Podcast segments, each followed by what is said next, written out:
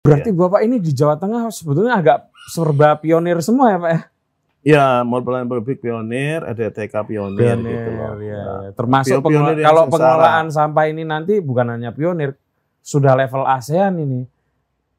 Ya, kalau dengan Pakistan ya mungkin dunia ya. Oh dengan Pakistan. dengan Kalau Mesir Pakistan juga ya dunia. Pakistan, pasti. Pak Husein, sampah itu kan masalah. Hmm. Anda bukan hanya sekedar menyelesaikan masalah, tapi menambah menjadi berkah kan? Ya, Iya untuk kan? se- Sekitar 1.500 orang. Seribu, 500 orang. seribu lima ratus orang. Eh, Pak Pacul itu Iya. itu biayanya keluar banyak gitu. Lebih banyak daripada saya. Pak Pacul, Pak wah. Pacul itu. itu keluar lebih banyak. Itu bikin pasukan gorong-gorong, bikin apa. Oh, Saya- berarti pasukan gorong-gorong yang mau digerakkan itu dimulai sudah- dari sini. Oh, Awalnya dari sini.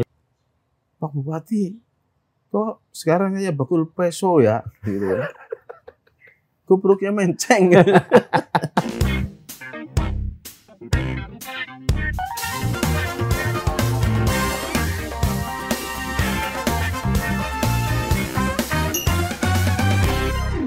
Halo teman-teman, ketemu lagi dengan saya Putut EA, Kepala Suku Mojo.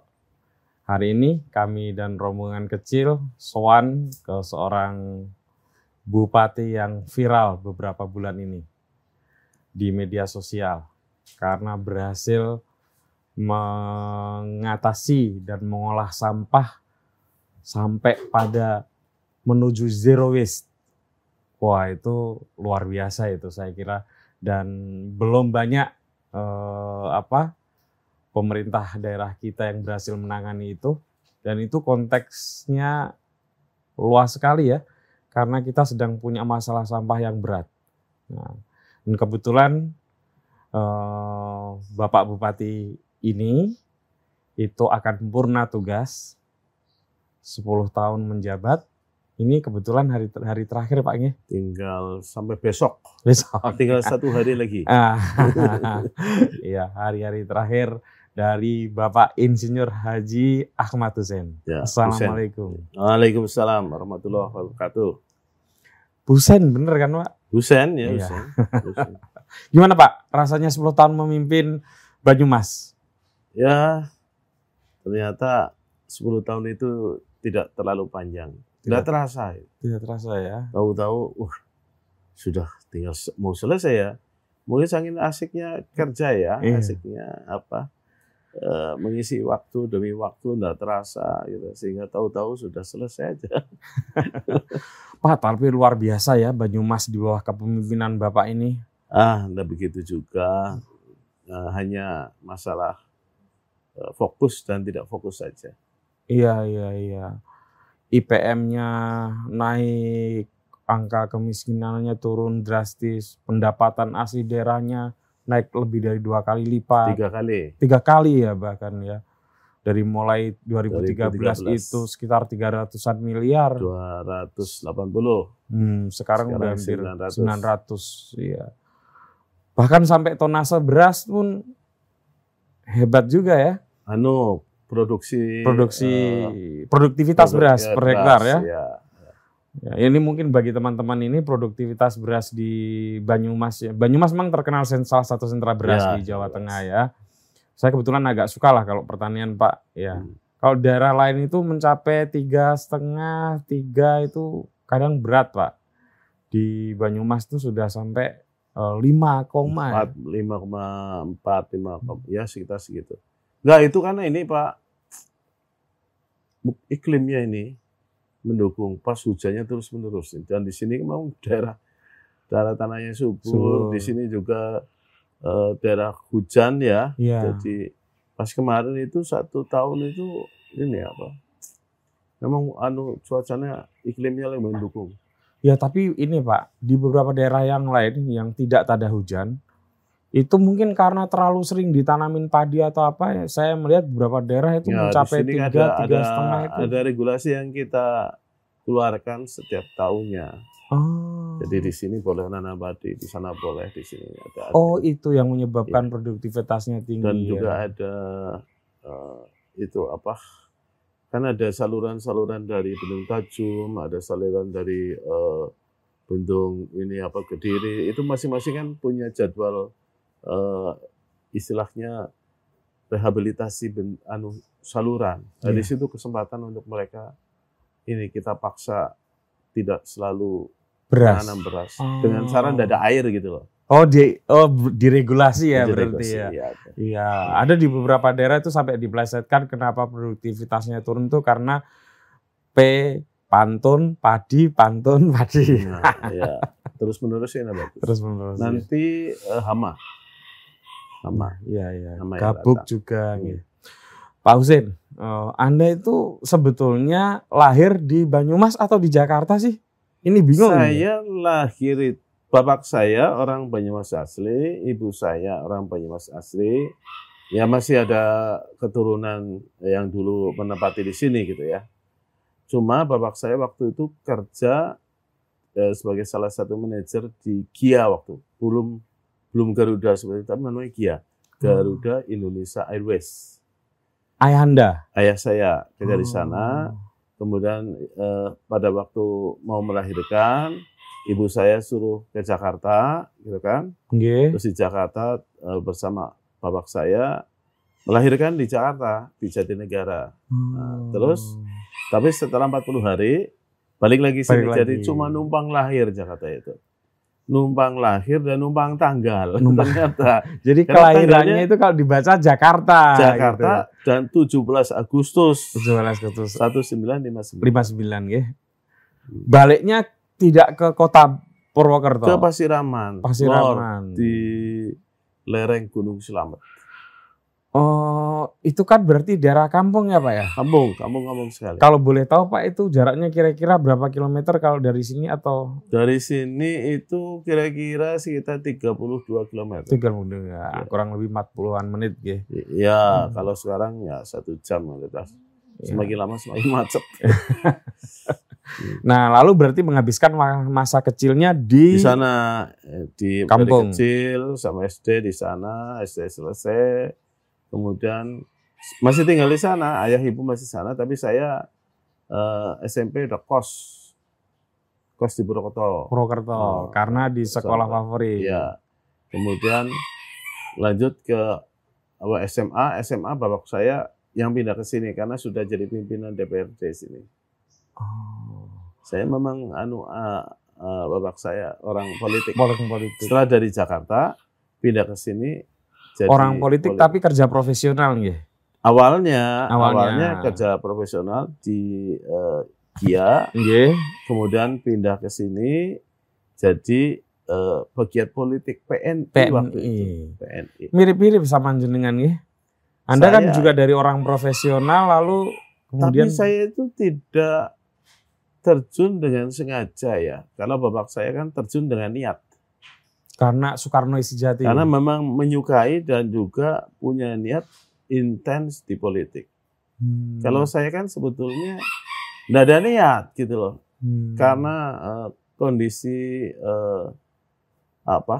Kondisi keluarga dan suasana perpolitikan di Banyumas, saya itu profesional sebetulnya. iya.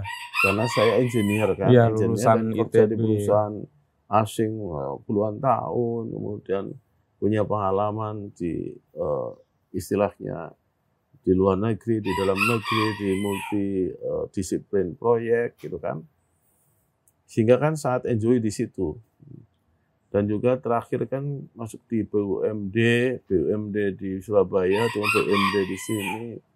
Jadi lebih lebih menyukai kerjaan di dengan disiplin ilmu yang eh, fokus ya. Iya. Hanya waktu itu karena nama besar ayah saya yang sudah sangat melekat di Banyumas Hmm. dan eh, politik di sini ini gonjang ganjing ya nggak karu-karuan. Akhirnya saya tuh diambil ya, diminta jadi wakil bupati Waktu oleh ya. salah satu eh, oleh bupati yang lama gitu. Dan itu juga saya tidak seketika mau menerima. Saya kayaknya kok punya gambaran tidak bagus terhadap politik gitu. Jadi saya menolaknya, saya nggak mau. Sampai berkali-kali di ini Karena memang prospeknya adalah karena orang nama orang tua saya. Hmm. Jadi bukan karena saya, karena nama bapak saya. Itu Bung Karno, Bung Karnonya Banyumas itu. Iya, Nah, Bung, Karno kecilnya Oh, Banyumas sangat ya. sangat hampir mungkin dalam berpidato itu kualitasnya plek gitu ya. Saya nggak bisa pidato. Jadi itulah yang mengakibatkan kemudian teman-teman ayah saya itu ada sekitar seratusan lebih orang-orang sesepuh-sesepuh partai itu datang ngeroyokin saya. Pokoknya harus ikut, harus ikut. Nah, ibu saya juga begitu gitu loh. Istri saya juga minta. Ya akhirnya ada ada satu konstelasi yang tidak bisa saya ceritakan. Ya, yang kemudian saya mungkin ya udah saya akhirnya saya ikut aja. Tapi memang eh, dengan syarat saya nggak mau ngeluarin biaya. Nggak mau mengeluarkan biaya pokoknya saya. Nah, ternyata dipenuhi sehingga saya tidak mengeluarkan biaya satu rupiah pun. Jadi wakil bupati. Jadi wakil bupati. Bupati. Jadi Setelah itu nol, nol. Malah si saya. si saya. setelah, kembali setelah kan- itu keterusan ya Pak ya. Hah? Setelah jadi wakil bupati. Enggak juga. Enggak juga? Enggak juga. Jadi setelah jadi wakil bupati, setelah jadi wakil bupati, saya melihat eh, bukan apa-apa ya, tapi eh, ya ada konstelasi lagi lah. Ada suasana yang kemudian mengharuskan eh, ya harus maju gitu loh sebagai rasa Hmm. tanggung jawab gitu loh. Ya, ya. Ya sebagai rasa tanggung jawab maka saya harus maju gitu. Maka saya maju. Maju juga karena suasana di Partai PD Perjuangan itu kan selama ini PD Perjuangan menang, tetapi tidak punya pemimpin daerah. Hmm. Saya mengatakan saya tidak punya biaya gitu kan. Ada biaya tapi sangat sangat anu lah. Waj- sangat minim gitu loh. Nah, gitu. Tapi orang-orang partai eh, bergotong royong. Bupati-bupati di seluruh Jawa Tengah itu suruh gotong royong. Hmm. Itu memang ciri khas ini Terus ya. PDIP pemimpin Pak ya. Pak Pacul itu Hmm. itu biayanya keluar banyak gitu. Lebih banyak daripada saya. Pak Pacul. Pak wah. Pacul itu. itu keluar lebih banyak. Itu bikin pasukan gorong-gorong, bikin apa. Oh, Saya- berarti pasukan gorong-gorong yang mau digerakkan itu dimulai sudah- dari sini. Oh, Awalnya dari sini. dari sini. Gorong-gorong itu. Untuk memenangkan Pak memenangkan Ahmad saya. Ya, saya sih terima kasih ya. Hmm. Saya juga mengatakan kalau tidak karena Pak Pacul juga tidak mungkin saya jadi bupati. Oh, Dan Pak Pacul memimpin waktu itu Pak pemenangannya. Oh, memimpin sendiri. Wah. Kemudian ya jadi gitu. Walaupun uh, saya harus berhadapan dengan incumbent Iya, iya. dan iya. yang lain sebagainya. Tapi ya jadi. Menang cukup telak ya 45 persen ya. Ya jauh lah dengan yang lain. Iya. Ya itu. Karena waktu itu, Itu saya nggak- harus mengatakan ya. Iya. Tanpa Pak Pacul, saya tidak mungkin jadi bupati. Nih, teman-teman nih kredit lagi buat Pak Pacul. Komandan Pacul panggilannya. Ya bos kalau saya. Bos ya. Itu harus saya akui. Harus jujur saya akui. Dan memang beliau petarung ya. Ya itu. Jadi itu harus saya jujur saya harus mengakui. Pak tapi bener nggak waktu kecil Bapak ini mohon maaf tidak pernah eh pernah tidak naik kelas dua kali. Oh ya itu. Tapi itu justru lah yang menjadikan saya kemudian sangat percaya diri bahwa kalau kita berusaha sekuat tenaga dan terus-menerus berusaha pasti ada jalan keluar. Pengalaman-pengalaman masa kecil inilah yang menjadikan saya itu berani menghadapi apa saja. Karena eh, apa? Tidak naik kelas, pindah sekolah sampai empat kali. Iya, tidak Dan naik naik kelas dua dua kali. kali. Mohon maaf Pak, itu karena kurang belajar atau apa? Nah, bukan. Saya itu sangat rajin. Oh, Saya bukan anak nakal. Rajin, tidak Rajin, nakal, Rajin, Nggak naik kelas. patuh sama orang tua, Iya. bersin apa mau, nurut orang tua, gitu ya. tapi nggak naik kelas. Tapi tidak naik kelas. Bukan bejut. Karena memang otak saya tidak mampu. Dan saya itu waktu kelas 1 saya sudah berusaha gitu loh. Kok guru guru ngajar suruh sidakep itu kan ya. ya saya sidak saya perhatikan perhatikan saya saya belajar tapi tidak bisa masuk. Tidak bisa masuk. Gitu ya. Saya kalau anu kan kadang-kadang di itu di kalau pulang itu kalau dapat kursi dulu tuh dapat kursi dapat bebek ya. Ya. Kalau bebek itu dua. Kalau anu apa uh, kursi itu empat uh, kalau tiga itu blekok waktu itu. Blekok. blekok ya. Jadi nah, itu kalau seringnya dapat bebek kan.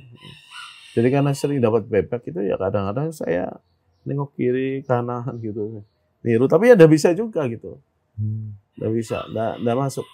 Nah, dulu ada namanya mencongak juga nggak bisa. Mencongak, iya. Ada lagi apa itu uh, uh, apa dikte itu juga nggak bisa. Gitu. Jadi apalagi kalau maju nggak bisa. Saya itu istilahnya sangat tertekan. Karena secara tubuh ini saya paling tinggi. Hmm. Di kelas itu paling tinggi. Iya. Lebih malu lagi ya Pak ya? Paling tinggi, kecil, kurus. Kurus banget, kurus banget. Tinggi. Paling putih lagi. Paling putih gitu. Paling putih. Jarang jarang bermain di sawah ya. Jadi paling putih, tinggi, kurus gitu. Kalau olahraga nggak bisa. Apalagi sepak bola. Di selenter itu saya. Kalau udah di selenter di ini garis itu. Garis. Oh, udah saya nggak mau. Nggak, nggak mau. Hmm. Volley nggak kan tinggi. Ya, tapi tangan Tap. saya kaper gitu loh. Ah. Nggak bisa gitu. Volley walaupun tinggi jadi, jadi motorik juga kurang bagus pak ya. kurang bagus. Hmm. Jadi kurus itu uh, anulah sangat sangat tertekan. Jadi kecil itu saya sudah tertekan sekali. Itu saya sudah uh, de, de, depresi itu. Ya, kalau zaman sekarang mungkin udah dianggap depresi lah pak ya. Ya, ya tapi kan kenapa?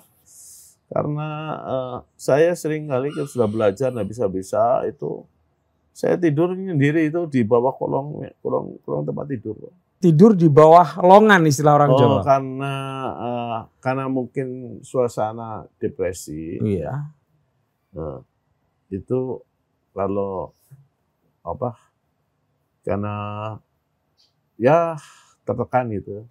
Saya sampai karena tekan itu jadi kadang-kadang itu menyendiri gitu. Tidur di di bawah kolong tempat amben, tidur. Amben, ya, amben gitu. itu amben dari apa? Dari kayu, dari anu dari kayu dan dari pelupuh pelupuh. Pelupuh itu uh, bambu yang dicacat-cacat kecil-kecil. Oh iya iya. iya. Situ biasanya uh, saya ngerenung gitu loh, kenapa gitu loh saya pikir ada, apa yang ada yang salah dengan saya apa di dalam pikiran kenapa saya begini gitu maksudnya. Yeah. Itu sampai sampai saya anu identitas tinggi gitu loh, saya masih ingat tinggi itu Kepinding itu? Kepinding. Kan ya. banyak sama dulu. Iya. Terus gitu bau bau besar. Terus lagi itu banyak sampai bawah-bawah itu marah-marah semuanya tuh sama saya. Di itunya marah di itu di saka apa di tiang di tiang anu tempat tidur di ininya di kayu tempat tidur itu merah semuanya. nah, saya, nah, saya anu apa uh, hampir putus asa. Artinya, aduh kok saya nggak bisa nggak bisa baca tulis, izin malu gitu loh, malu saya berangkat. Sekolah pun kadang-kadang karena saking malunya itu tidak sampai sekolah. Oh. Saya itu, ya itu masuk ke kolong jembatan, eh, jembatan di desa itu, desa. Bersembunyi di situ. No, apa pakai batu, utak-utak, utak-utak, kayu ke sungai gitu. Kadang-kadang itu tempat bawah atas jembatan itu kan ada burung sarang burung iya. itu bukan walet tapi uh, seliti gitu. Seliti. Jadi sangat telangsa itu, sangat telangsa. Uh, tapi kemudian ada guru namanya Pak Sayono itu. Itu datangin anu teman bapak saya. Hmm. Ngeles gitu loh. Hmm. Ajarin. Setiap hari walaupun nggak bisa itu diajarin terus gitu, diajarin terus saya juga berusaha terus apa diajari terus A ya terus A ya pokoknya ngikutin aja mm-hmm. nah, tapi di kelas 1 itu enggak di kelas 1 belum belum ada Pak Sayono nah, kemudian nggak naikkan, maka pindah ke desa sebelah. Ya. Desa sebelah itu eh, nggak naik juga, itu ya. dipaksa naik di eh, itu apa? Di ini di SD agak jauh pak, Cikawung itu namanya. Hmm. Jadi Pasiraman Lor, Pasiraman itu ke Cikawung. Berarti beda desa. Beda desa, semuanya beda desa. Jauh itu ke Cikawung itu jalan kaki itu lah, toel itu satu jam itu kan. Oh. Jadi eh, jauh sekali saya. Diantar diantar naik sepeda saya ke sana. Sama apa eh, ada ada orang yang nganterin saya naik sepeda setiap pagi dijemput gitu. Eh, Di situ lah masuk masuk namanya Pak Sayono, Hmm. temannya ayah saya, Hmm. orang PDI. eh, Waktu itu guru, PNI ya? Guru PNI. Ya, waktu itu Atau PNI. PDI ya? Enggak, PNI. Masih PNI ya? Itu ayah saya ngajari, anu ayah Pak Sayono ngajari itu. Ngajari telaten itu setiap setiap malam itu, setiap habis maghrib itu datang ngajarin sampai sore, kadang-kadang kadang-kadang habis asar ngajarin terus menerus. Nah, ya sudah kelas 3 itu. Ya dipaksa naik kan itu karena naik itu kan karena terpaksa itu. Nah, itu akhirnya bisa bisa nyambung gitu tadinya Ya. kan misalnya S A sa T U tuh gitu saya kalau udah S A sa bisa T U tuh bisa tapi Begitu gitu sama. S A sa T U tuh nggak bisa nyambung nggak bisa nyambung Iya, iya, nggak tahu iya, tuh iya. kenapa saya saya nggak paham. Iya, tapi terus saya, angka angka iya. juga nggak bisa saya. Ah. angka-angka juga nggak paham gitu. Jadi saya saya betul-betul tertutup itu kepala saya otak saya. Tapi begitu nggak tahu bagaimana terus kemudian bisa gitu loh. Mulai perjuangan yang bertubi-tubi gitu. Akhirnya berusaha sangat keras bisa. Begitu bisa langsung meleset saya langsung nggak langsung karena bukan orang bukan memang rajin gitu loh rajin so langsung rajin betul Wah, kita kelas 6 sudah ranking 1 ya. langsung udah ranking satu Kelas 6 sudah ranking. Nah, SMP-nya masuk SMP favorit. SMP langsung favorit SMP 1, Pak. SMP satu SMA-nya juga SMA 1. SMA satu Serba 1. sebelah satu jadi situ yang luar biasa langsung. sebetulnya masuk ITB-nya, Pak.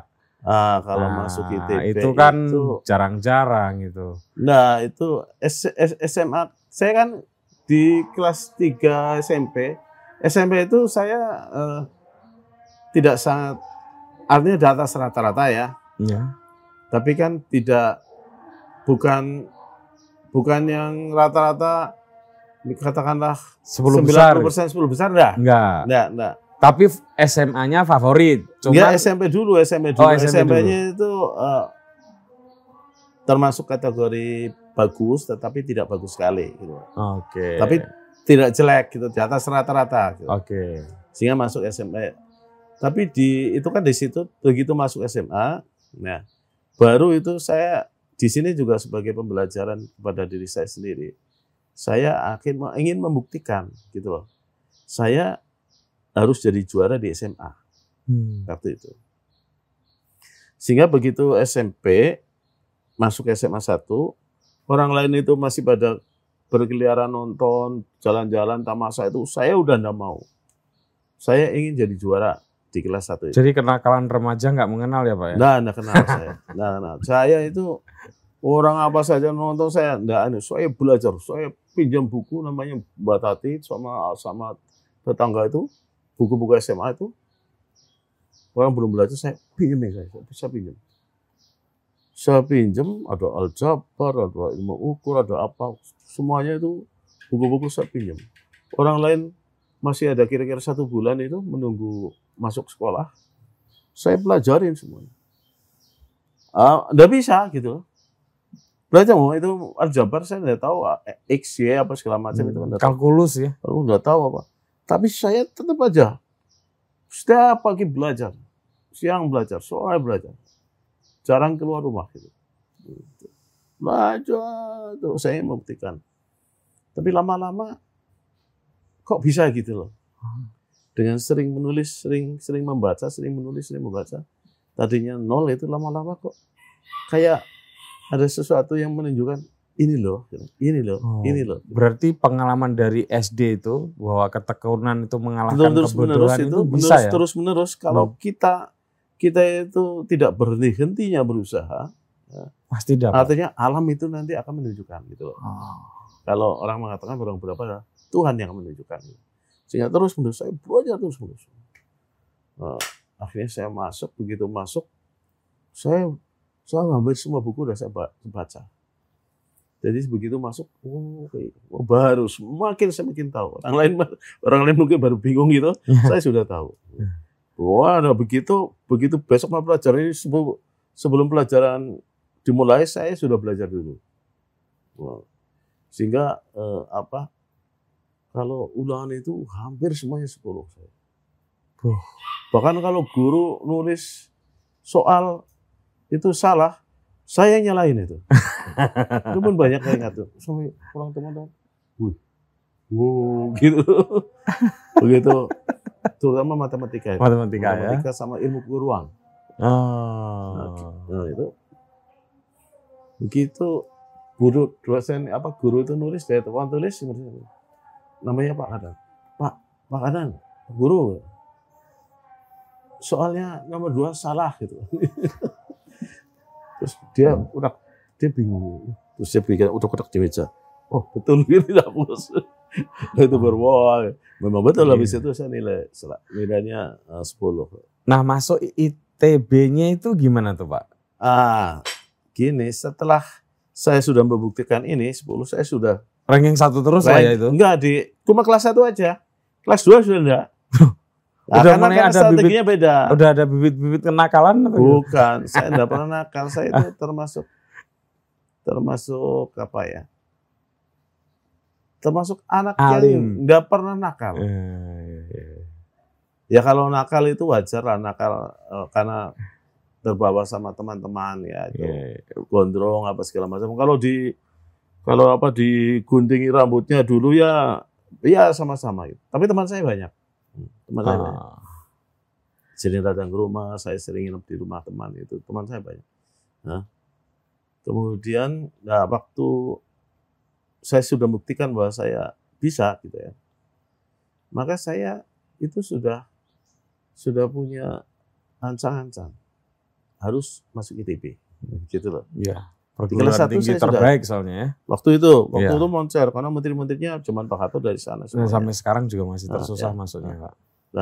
Itu maka kemudian saya itu ada satu teman baik saya itu sangat sangat mengagumi saya sekali itu Ya, Sebentar, sampai- ini ini perempuan atau laki-laki? laki-laki Oh, ya termasuk ada yang perempuan gitu kan. ya, ya. tapi kalau kalau ini diceritakan nanti bisa heboh gitu jadi nah, ini kan banyak sih ada Cina juga. Saya sahabat dengan Cina juga dia juga anu ada Cina ceritanya gini memang dari dulu selalu begitu. Kalau ada anak yang nggak punya teman gitu ya dia terus tersisih. Teman orang lain nggak mau mendekati biasanya saya yang dekatin itu ada Cina misalnya. Cina di situ di satu kelas Cina ininya apa komitnya agak bau gitu kan. Hmm. Nah, itu orang lain nggak mau pada duduk situ saya ikut di situ namanya Johannes Widianto itu Cina oh. ya dokter gigi itu sekarang jadi tapi tinggalnya sekarang di Australia itu saya saya temanin gitu terus di SMP ada orang Teleran itu tapi sekarang udah meninggal ya. Orang-orang udah Iya, mau iya. saya temanin gitu Hmm. Nah, terus ada juga yang di SMA beda kelas itu apa eh, beda kelas waktu kenaikan ada yang apa pukulan sini banyak buat orang pada mau gitu saya temanin gitu Jadi biasanya sering gitu apa ya sensitivitas pada orang-orang yang tersisihkan yang itu tersisih ada biasanya ya? karena saya merasa tersisih waktu waktu SD SD. itu. Oh. sehingga saya merasa wah ini ya jadi orang yang tersisih itu begitu sengsara maka kemudian saya secara naluriah aja Naluriah. naluriah gitu saya Iya. temanin gitu. Nah, sehingga kemudian ada orang itu kadang-kadang ulangan orang datangan itu ya ulangan datang hasil ulangan itu orang dibagi semuanya sering saya lihat kok hasil saya nggak ada gitu loh Maksudnya enggak ada? nggak ada be- bekas pembagian itu kan biasanya setelah ulangan Dibagikan dibagi lagi, dengan iya. dengan Dengan dikasih nilai. nilai. nilainya kan. Ah. Lo punya saya kan sering nggak ada gitu. Kenapa tuh, Pak? Saya, saya ke mana gitu. Tapi guru saya bilang, kamu dapat 90. Kamu udah bilang itu. Yang terbaik Hmm. Husen, gitu kan. Bila Ya, bisa kalau begitu. bagus nggak perlu dibagikan kan. Ya, Ya, biasanya bisa disebutin ya yang Hmm. terbaik adalah ini gitu kan. Saya masuk, tapi guru saya di mana gitu. Ternyata ada yang nyimpen. Ah. Yang nyimpen namanya Yuni Utomo tadi. Tapi orangnya udah meninggal. Dia terakhir adalah eh, Oh, si salah satu- pengagum Bapak ini. Iya itu. Sekarang udah meninggal. Meninggal. Oh, dalam almarhum ya.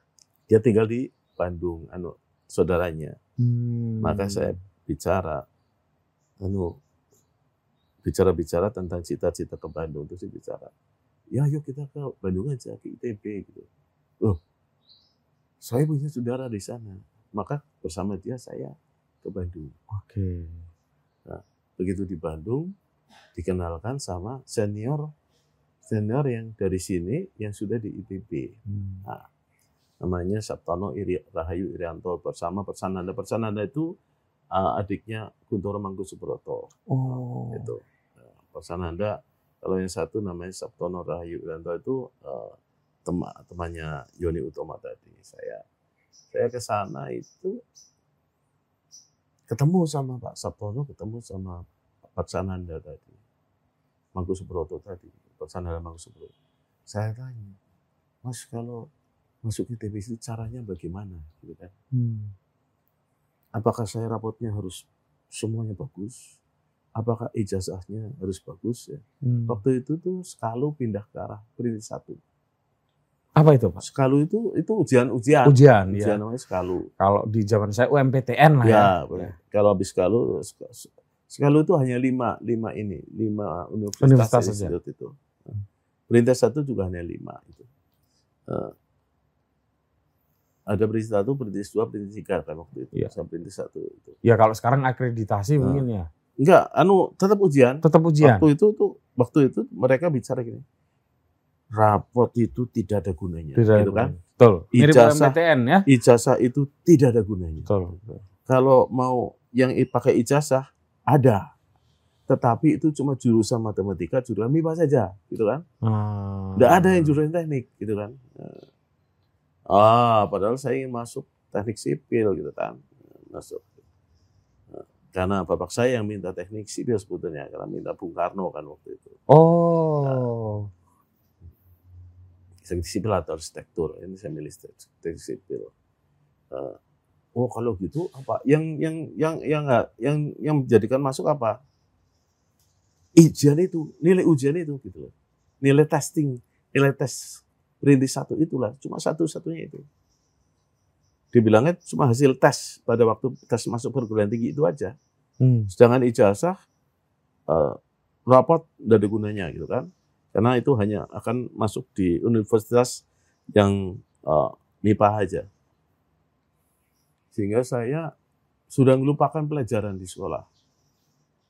Saya belajar eh, bimbingan tes, belajar beli buku-buku tentang contoh-contoh soal, Soal. hasil ujian masa lalu, Yang selalu masa lalu, dulu-dulu, semuanya ya. saya beli. Saya waktu itu dikasih bapak saya itu 50 ribu. Khusus untuk beli buku-buku itu. Bapak saya sudah di wakil ketua DPRD sini. Oh. Sudah Saya- anak pejabat lah ya. Sudah anak pejabat. saya beli semuanya buku-buku di di koperasi TB saya saya saya diantarin saya beli semuanya saya pilih. Terus buku-buku di toko-toko Safira, toko apa itu saintifik apa segala macam saya beli semuanya. Sehingga saya pulang itu wah satu mobil itu penuh dengan buku. Saya bawa pulang ke sini, nah itu saya pelajari setiap hari. Tapi saya sesuaikan pelajaran dengan sini. Pas kimia saya belajar itu, pas ini saya belajar itu. Hmm. Sehingga kemudian tidak terlalu ketinggalan dengan bersekolah. Tapi akhirnya ijazah per, apa kelas 2, kelas 3 saya itu tidak tertinggi gitu. Saya di level sekitar 80 80 apalah.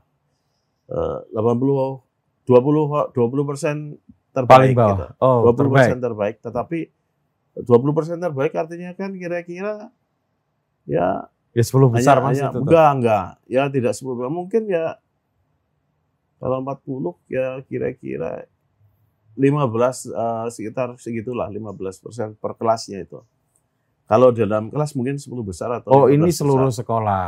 ya gitu.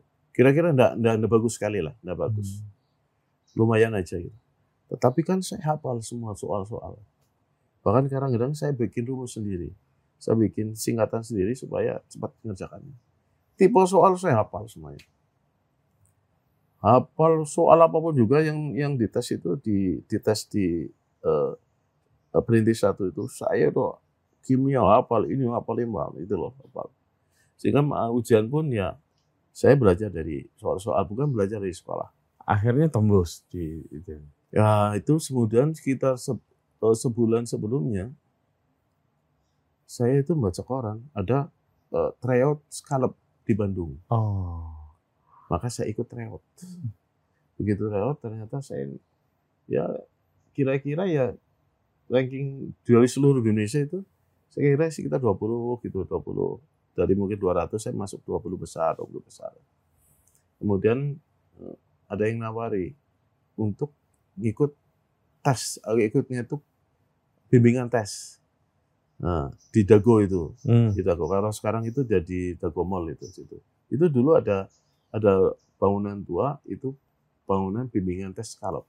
Saya di situ, tapi di sana tidak ada kamar. Akhirnya saya tidur di gudang selama sebulan. Hmm. Di Padahal gudang anak buku. pejabat loh ini. Iya, di gudang buku saya, di gudang buku saya tidur di gudang buku.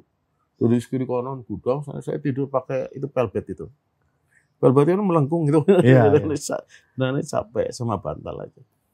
Sendiri, Nggak ada orang-orang malam. Betul-betul segudang itu sendiri gitu loh. Kadang-kadang ya kalau anu malam ke kamar mandi ya takut-takut gejok-gejok gitu loh. Nah, ya karena karena anu ada yang kebayang apa-apa sehingga saya bikin bunyi-bunyian sendiri. Iya. Untuk menenteramkan itu- hati. Di situ saya buku baru cetak dari dari percetakan oh, mereka belum belajar, saya udah belajar dulu. Hmm. Itu tebal. Itu selama sebulan di situ dan hampir setiap minggu sekali itu ada tes ya. dari seluruh Indonesia. Dan ternyata kemudian saya tuh rankingnya antara 1 sampai 5 seluruh Indonesia waktu itu. Nah, terus menerus gitu. Nah, semua rajin betul saya, sangat rajin. Luar biasa rajinnya saya.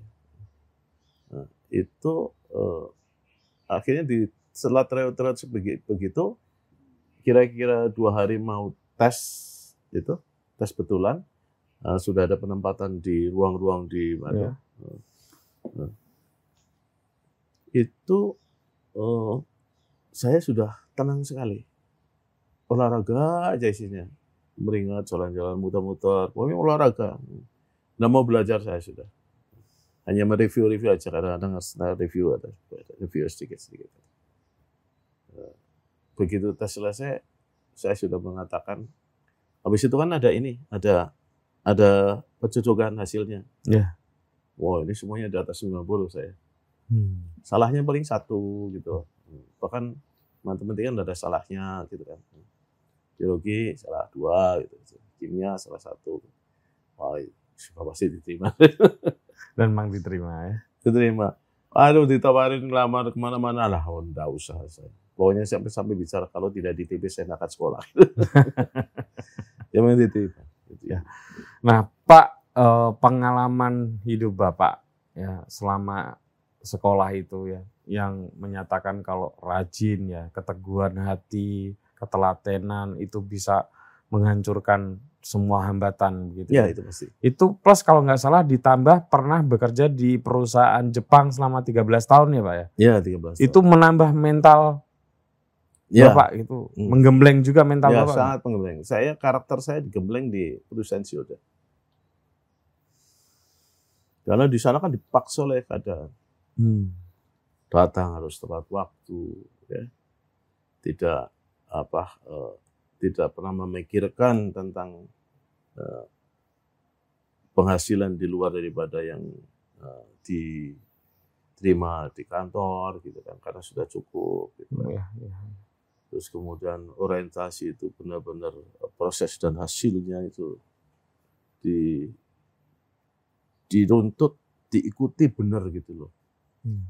Dan semuanya kan, ini perusahaan multinasional ya, Iya. perusahaan besar pak, perusahaan tempat saya bekerja itu sama saja dengan APBN Indonesia waktu itu Pak. Hmm. Itu satu tahun itu waktu itu uh, sekitar kalau dirupakan itu sekitar 400 ribu triliun apa ya. Di tempat saya bekerja itu sudah segitu. Waktu itu zamannya Pak Karto dan Jepang waktu itu lagi jaya-jaya. Iya, iya. Ini banyak paling banyak membangun apa Pak? Jalan tol ya? Enggak, enggak jalan jalan tol itu bukan bukan saya itu bukan perusahaan saya di Jepang bukan jalan tol, perusahaan saya di plan. Plan. Oh. Plan di uh, oil and gas. Hmm. Tapi kebanyakan di onshore. Oh, yang di onshore-nya. Onshore. Ya. Ya, seperti PTA, uh, Badak gitu kan. Iya, iya. Lalu Normatik, terus smelter gitu. Oke. Oh, yang jalan tol itu sebelum kok ya? Sebelum itu perusahaannya di Bu- Kebututut. Mbak Tutut ya. Di Kebutut. Itu Iya, di iya, SMNP. Iya. Saya masuknya di uh, konsorsium utama Yaila Jaya kontraktornya. Yang fondasi Cakrabau itu. Iya itu. Itu yang yang uh, uh, yang ngerjakan manajemennya kan Citra Maga Nusa Pala Persada. Oke. Kontraktornya itu utama karya Yala Jaya konsorsium. Nah. saya masuk di utama Yala Jaya. Nah, setelah itu keluar kalau nggak salah eh, jadi Saya direk- masuk ke Cioda itu. Setelah keluar dari situ masuk Ya, terus dari Ciuda itu kemudian jadi ini ya, ngurus PAM Bam anu direktur teknik di PDAM Surabaya. Surabaya. Itu zamannya siapa, Pak? Pak Bambang Dea. Bambang Bandeha. Oh. Ah kalau pengen tahu saya tanya Pak Bang Deha. saya cu- cukup dekat dulu dengan Pak Ya, Bambang Dea. Itu saya diangkat oleh beliau. Oh, dan kemudian pamitan juga dengan Saya beliau. pamitan juga udah boleh tadinya. Wak- Waktu itu apa sih, Pak? Apa ya? Presidennya kok kemudian pamitan dari Surabaya Karena kemudian- komitmen saya dengan direktur utama. Oh, atasan Bapak Atasan saya kan dulu kan atasan saya. Atasan Ya, saya Anda kan direktur operasi eh, teknis. Teknik. Ya, Itu kan ada lima, ada empat direktur. ya. Yang dua direktur, direktur lokal, kemudian direktur utama sama direktur teknik. Karena ini ingin ada perubahan dari sana dari Pemkot minta eh, fit and proper test. Itu kan sebetulnya saya kan nggak niat nyalon. Jadi nggak niat ikut kompetisi. Yang ikut kan teman eh, atasan saya waktu di Cioda, bukan di Cioda, waktu sebelum di eh, setelah di Cioda saya itu masuk dulu di tim Spam Jaya. Hmm, ya, ya. ya. Nah, di sana di tim Spam Jaya itu saya punya atasan namanya Pak Ari, senior saya di TB. Hmm. Nah, itu dia kan memang bidangnya teknik lingkungan. Hmm. Nah, Kemudian di Surabaya waktu itu namanya direktur utamanya Bu Bimpi. Bu Bimpi itu meninggal kena kanker. Hmm. Nah, Pak Ari itu eh, adik kelasnya. Nah, maka dia ngelamar di situ di PDM Surabaya. Hmm. Karena dia itu dekat sama saya, nginepnya di rumah saya. Oh. Karena dia di rumah saya, saya anterin. Begitu saya anterin, hari kedua, nah, saya kan sering nunggu dia nu- nulis apa segala macam. Nah, saya keliling. Di situ ada ada lowongan baru, direktur teknik yang sebelumnya tidak ada. Oh. Maka eh, saya daripada daripada bengong gitu kan, saya ikut daftar. Sebelumnya kan daftar pikirkan. Iya, iya, iya. Baru hari berikutnya diumumkan di eh, di radio SS waktu itu. SS. ada ya. ada ada lowongan direktur teknik. Ya, ya udah saya bikin lamaran sekali. Maka Pak Ari ma- ngelamar, saya nganterin, saya ikut ngelamar. Kemudian proses mungkin di sekitar yang lamar di atas 400 ya. Terus proses administrasi saya masuk habis itu tes bersama-sama itu mungkin kita ikut tes sekitar 300 400-an itu. Kemudian ternyata disaring jadi 150. Pak Ari masuk, saya masuk. Hmm. Nah, terus disaring lagi jadi 50 gitu kan.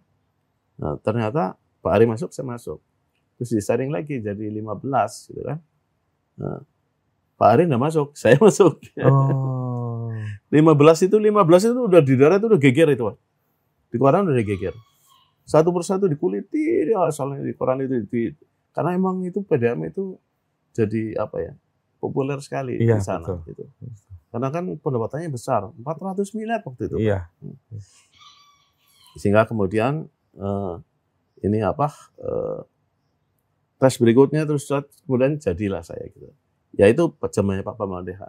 Hmm. Dimulai dengan mencari profesional jangan cara begitu itu Pak Bambang Deha. Oh. Saya yang melantik orang beliau. PD, orang PDIP juga Ah. ya Pak ya. Pak Bambang Deha nggak tahu kalau saya di PD Perjuangan.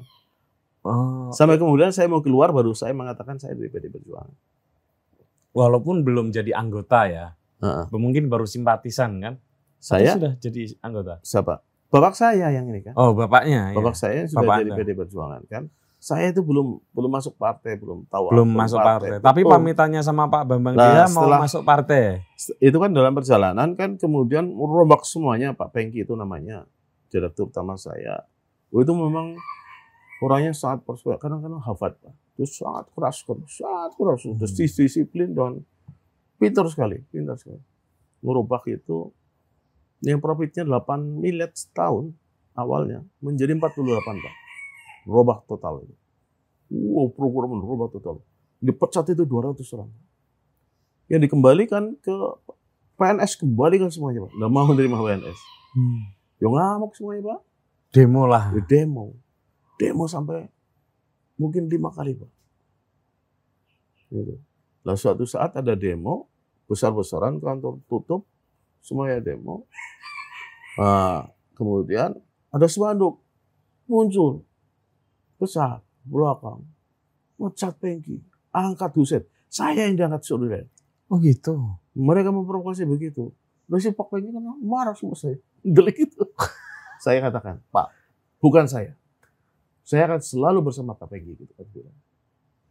Dan jangan pernah berpikir saya akan eh, akan mengingkari Pak Pengki saya tidak begitu komitmen.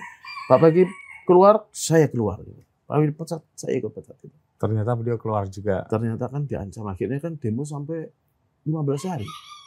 Suasana udah udah ada karu-karuan. Pelayanan udah sangat berantakan. Akhirnya Pak Pak Bambang ultimatum harus selesai dalam seminggu. Kalau tidak selesai silakan mengundurkan diri gitu. Nah ternyata begitu mau mengundurkan diri Pak Pengki minta pesangon ganti rugi sampai 1,8 miliar Hmm. saya waktu itu mengatakan Pak Pengki saya pasti akan keluar. Kalau Pak Pengki keluar saya pasti keluar. Tapi saya nggak mau nggak mau nuntut macam-macam lah. Kalau keluar ya saya keluar aja, tapi saya nggak ikut nuntut pesangon gitu loh. Saya minta yang biasa-biasa aja sewajarnya. Ya. Yus, orangnya saya goblok kan itu dasar itu goblok gitu. Nggak apa-apa, nggak masalah apa. Silakan aja, saya nggak akan nuntut gitu. Akhirnya Pak Pengki aja yang dapat. Saya nggak dapat. Anda tidak dapat. Nah, cuma dari dari manajemen Dewan Pengawas itu, tapi syaratnya gini, Pak Hussein di sini dulu, jangan tinggalin. Bantu ini sampai beres. Gitu. Terus saya bilang, ya tapi tetap nanti pada saatnya saya harus keluar dari sini. Iya. Saya nggak mau jadi direktur utama, karena nanti saya jadi pengkhianat gitu kan. Nah, kemudian saya ikut panitia seleksi pak. Nah, setelah panitia seleksi direktur utama itu selesai, nah, saya baru pamit. Di situ saya bingung mau keluar ini. Waduh ini. Kalau saya bicara apa adanya pasti Pak Bambang Dekan akan menyetujui gitu. Iya. Saya minta waktu. Nah, ketemu di hotel mana saya lupa. Akhirnya saya bicara, Pak, saya itu orang PDI Perjuangan. Oh, kamu orang PDI Perjuangan? Saya baru tahu. Ya. Hmm. Bapak saya di sana. Hmm. Bapak saya malah di DPRD provinsi, Pak. Gitu. Ya, Saya tulen tulen partai. Saya pulang, saya menguri-nguri partai. Alasan saya gitu, Pak. Nah. Ya. Udah. Tanya, tanya aja. Iya. Pasti tahu. Ini si Husen itu pulang ini gara-gara menguri partai, oh maka iya. saya setujui gitu loh. Ayo, itu Akhirnya jadi. disetujui ya. Nah, Pak kita lompat nih sekarang. Eh. Begitu menjadi bupati nih, kan Eh. awalnya wakil bupati. Eh, Apa yang pertama menjadi apa ya persoalan besar ya yang dilihat oleh oh, Pak Hussein? pengangguran. Pengangguran. Tinggi ya Pak waktu itu ya? Ya, bukan hanya Banyumas ya, semuanya tinggi. Semuanya tinggi ya? Eh, akhirnya kan saya membuka membuka gebrakan pertama adalah masalah kemudahan berinvestasi. Aturan saya perpendek semuanya. Dulu belum ada namanya uh, itu uh, apa pelayanan satu pintu. Saya sudah dirikan pelayanan satu pintu, Pak. Hmm. Kalau boleh tahu Pak, waktu itu berapa hari muncul apa ngurus izin investasi? Ya itu bisa sebulan dua bulan. Sebelum anda? Iya, oh, saya sekarang waktu tidak boleh lebih dari seminggu pulang itu. Hmm. Akhirnya kan saya itu saya perbesar layanan satu pintu paling hmm. gampang. Kemudian izin-izin itu kan muter-muter karu-karuan. Izin pokoknya langsung aja ke dinas terkait. Masih ke dinas terkait satu-satu aja. Ya, ya. Tetapi tidak usah lewat bupati. Hmm. Jadi saya bilang, izin enggak, enggak usah lewat bupati. Akhirnya izin semuanya itu semuanya sudah langsung dinas. Tapi kan tetap orang masuk masuk ke sini, masuk ke sini, masuk ke lama kan itu. Keluhan lama sekali. Maka saya mendengar di Banyuwangi mulai dulu nih Pak yang ternyata Banyuwangi yang yang sudah mulai itu ada mall pelayanan satu pintu. Iya, iya, iya, ya. Maka kemudian saya suruh coba belajarin dan dirikan di sini. Supaya ini sekarang kan sudah mudah sebetulnya semuanya cepat karena tidak melalui bupati kan. Hmm. Jadi izin tidak ada yang melalui bupati cuma satu, amdal aja. Amdal aja. Karena karena memang uh, tidak bisa. Aturannya nah, itu gitu. kan. Dah. Terus ternyata ini apa? Bisa satu pintu. Akhirnya saya dirikan mall pelayanan publik. Ini pertama di Jawa Tengah saya. Oh. Pertama di Jawa Tengah. Itu saya. Nah, Berarti waktu itu sampah masih belum jadi problem. Belum, ya? belum. Problem utamanya adalah meningkatkan investasi pelayanan pelayanan pelayanan ya, karena masyarakat investor supaya gampang masuk. Ya, karena maka, Maka kan? itu maka kemudian pelayanan harus baik dulu. Iya. Gitu kan? Ya, ya. Ini yang serupa aturan juga uh, udah. Kemudian semuanya tidak boleh lewat anu dinas. Ya. Sehingga semuanya semuanya satu dimulai itu pelayanan semuanya. Nah itu. Nah, jadi itu yang yang yang paling cepat, paling uh, paling cepat, paling murah biayanya untuk meningkatkan investor. Kemudian saya bikin uh, perizinan jemput bola. Iya. Kalau ada yang apa yang investasi membawa uh, tenaga kerja lebih dari 500 ada perbubnya, ada 500 orang, maka investor tidak perlu datang. Kami yang datang gitu loh. Oh gitu. Iya, dan gratis gitu loh. Itu terjadi izin-izinnya gratis izin, izin maksudnya ya. ya. ya. ya. Saya yang anu udah bayar pokoknya. Hmm. Ya. Nah, kecuali yang perintah undang-undang, saya enggak bisa enggak bisa ya. nolak gitu. Nah, itu yang pokoknya dijemput dan udah boleh bayar. Dan saya udah bicara dari awal tidak ada uang semir di sini, tidak ada uang feedback di sini. Kalau ada laporin saya. Sehingga semua bersih sekali waktu itu. Ya. Banyak investor masuk akhirnya kan. Nah, itu yang pertama. Terus pengaduan, saya bikin buka lapak, eh buka eh, lapak aduan. Oh. Jadi semua pengaduan satu pintu. Mau oh, pakai pakai pakai medsos gitu. Udah ada ini jadikan. Kemarin problematika adalah eh, ternyata kemudian masalahnya eh, ini apa masalahnya RT RW. Nah, apa eh, untuk Ini RT RW RT RW apa ya, yang anu, tata ruang? Tata ruang. Ya, oh, okay. tata ruang, uh, tata ruang, tata ruang, tata ruang kota itu. Waduh, itu yang paling menghambat itu. Kenapa, Pak? Nah, karena apa? Itu perencanaan kotanya itu perencanaan kotanya itu tata ruangnya itu enggak sinkron. Oh. Jadi harusnya di sini bisa didirikan industri, Pak, ternyata nggak bisa. Oh. Hampir semuanya yang masuk ke sini banyak yang udah jadi. Oh, gitu. Kita sudah ngerubah ini, kita sudah ngerubah sistem pelayanannya, tetapi tata ruangnya nggak masuk. RDTRK. Iya, iya. Maka ya, kemudian ya. saya berusaha keras untuk menggegolkan RDTK. Dan RDTK yang pertama kali di Jawa Tengah yang disetujui oleh pusat, kini Banyumas paling sulit. Dan begitu yang lain mbak cepat gitu. Cepat ya, paling karena jadi, sudah ada yang ngawalin iya, ya. baru baru iya, kemudian iya, mungkin iya, iya. seminggu dua minggu terus ngikutin. Berarti ya. bapak ini di Jawa Tengah sebetulnya agak serba pionir semua ya pak ya? Ya, mau pelayanan publik pionir, ada TK pionir, pionir gitu loh. Ya. Nah, Termasuk pionir kalau pengelolaan sampah ini nanti bukan hanya pionir, sudah level ASEAN ini. Ya, kalau dengan Pakistan ya mungkin dunia ya. oh dengan Pakistan, dengan Mesir juga dunia. Pakistan, Pakistan, Iya, Pakistan India kan Oke. ada mau ke sini. Nah Pak, yang sampah itu sebetulnya awalnya dari apa? Oh, ya? dari kesengsaraan. Jadi bukan bukan sebagai apa ya target yang utama. Jadi itu adalah eh, Ketemu masalah di tengah jalan ketemu Pak, ya? masalah yang Iya. yang sangat eh, menyakitkan. Kenapa menyakitkan Pak? Menyakitkan pada waktu itu kan sudah mau pilkada kedua, Oh sudah mau habis masa jabatan yang pertama. ya 2018. Ah iya Nah. iya iya. Ternyata saya sudah cuti, TPA ditutup karena bencana alam sebetulnya, longsor. Oh Sehingga TPA tempat pembuangan Tempat- akhirnya tempat kal- kaliori, longsor Kaliori longsor. ya.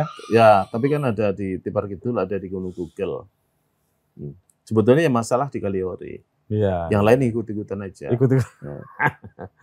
Tapi Nyon Sewu itu nggak ada unsur politisnya kan? Itu benar-benar eh, bencana alam. Awalnya Awalnya karena mau pilgub, terus eh ah, pilgub, terus ada saya tumpangan tidak mengatakan politiknya. begitu, tapi saya sinyalir ada Oke. Tapi Ya. sebetulnya ini faktual ya, faktual. bahwa itu memang terjadi. kemudian Oh. dipolitisir dia mau Oke. ditumpangi gitu kan. gitu. Gimana Pak? Coba Faktanya kan ceritanya. kemudian saya waktu itu sudah sampai eh, elektabilitas saya itu kira-kira sekitar 70% kan Oh. waktu itu. Udah tuh tinggal duduk diem Pak segitu. Iya, tetapi begitu kasus ini langsung drop 48 persen. Karena masyarakat Angkanya itu masih tinggi, tapi dropnya yang mengerikan. Mengerikan. Iya. 48 persen. Iya, iya, hampir Ya. separuh. Dan waktu itu 70 memang belum ada saingan ya, gitu begitu. 40, 40 itu kan sudah sudah muncul calon lain. Iya. Dan juga apa? Karena masalah sampah ini. Sampah kan di alun-alun di pinggir jalan Iya. semua. ya. Saya lihat potret-potret dokumentasinya. mengerikan saya harus turun lagi lagi kak lagi sosialisasi saya harus negosiasi sama masyarakat yang demo saya datang malam-malam saya nego saya anu saya kan masih masih jabat Iya. Pak, kalaupun nanti sudah pilkada kan saya masih jabat mohon maaf Pak, saya mau tanya. Itu sebetulnya masyarakat itu demonya itu karena apa sih?